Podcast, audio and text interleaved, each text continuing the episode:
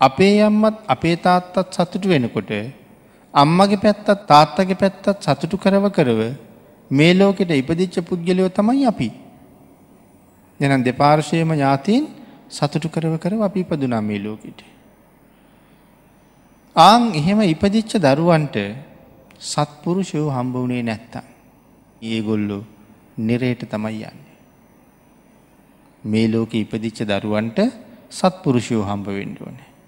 එහෙම නැත්තං නිරේට යනවා. බුදුරජාණන් වහන්සේ එහෙම සඳහන් කළේ. නොයෙක් සූත්‍ර දේශනාවල් වල මේ මනුස්ස උපත පිළිබඳව කරුණු බොහොම පැහැදිලි කළා. දෙවිය ලෝකෙ ඉන්න හුඟක් අය සිහි මදි වෙලා දිවිය ලෝකින් චුත වෙලා නිරේට යනවා. මනුස්ස ලෝකෙ ඉන්න අය වැඩි පිරිසක් මරණින් පස්සේ නිරය ලෝකවල ඉපදෙනවා. මනුලොව ඉඳලා ආපහු මනුලොව ඉප දෙන්නේ ඉතාම සුළු පිරිසයි දෙව්ලොව ඉඳලා මනුලොවට එන්නෙත් ඉතාම සුළු පිරිසයි. නිරය ඉඳලත් මනුලොවට එනවා. ප්‍රේතලෝකවල ඉඳලත් එන්නේ නැත්ත නෙමේ. දිවිය ලෝකවල ඉඳලත් මනුස්සලෝකට එනවා. ඒ බව පංච පුබ්බ නිමිත්ත ආදී සූත්‍රවල භාගිතුන් වහසයා පුරුවට පැහැදිලි කළා. හැබැයි ඒ දෙවියු මෙහෙ එන්නේ විශේෂ කාරණාවක් සඳහා. ඒ තමයි මනුස්ස ලෝකෙට ඇවිල්ලා බොහෝම පින් කරගෙන ආපහු හිටපු තැනට යන්ඩයි එන්නේ.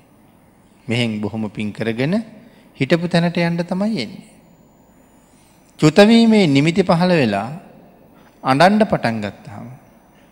තාම නිමිති පහළ වෙලා නැති දෙවියෝ. මේ අඩන දෙවියන්ට ඇවිල්ල සතුරු කරන්න ඕන නිසා කියන්නෙත් පින්වත මෙහෙන් චුත වෙලා සුගතියට යන්ට. එතට ඒ සුගතියට යන්න කියල කියන්නේ කොහාටද මනුස්සලෝකෙට.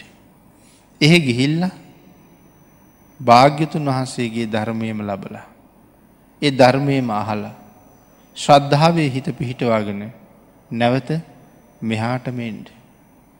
එනම් ඒගොල්ලන්ට කියලා තියෙන්නේ මනුස්සලෝකට ගිහිල්ල පින් කරගෙන ආය එහාට එන්ඩ කියලා. දැන් එහෙම හිතල සතුටින් තමයි ඒගොල්ලු මනුසලෝකට එන්නේ. දැ මනුසලෝකට ආවට පස්සේ ඒගොල්ලන්ට මතකද අපි කොහෙඉඳල දාවි කියලා. මතක නෑ. අපි ආවෙ දිවිය ලෝක ඉඳලා ආය පින් කරගෙන එහාට යන්න කියන කාරණාව මතක නෑ.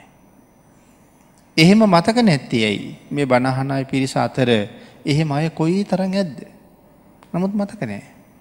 හේතුව තමයි මැරිල ඉපදිච්ච හින්දා. අපි සමහර කෙනකින් අහන්න මතක නැතිච්ච හම මැරිල උපන්නද කියලා. මැරිල ඉපදිච්ච හම මතක නෑ. දැන් අරගොල්ලන්ටත් වෙලා තියෙන්නේ ඒක. දැන් ඒ ටික මතක් කරලා දෙන්න කවුදෝනේ.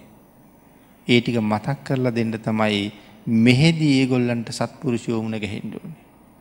එතකොටයි අර කාරණාව අවදි වෙන්නේ.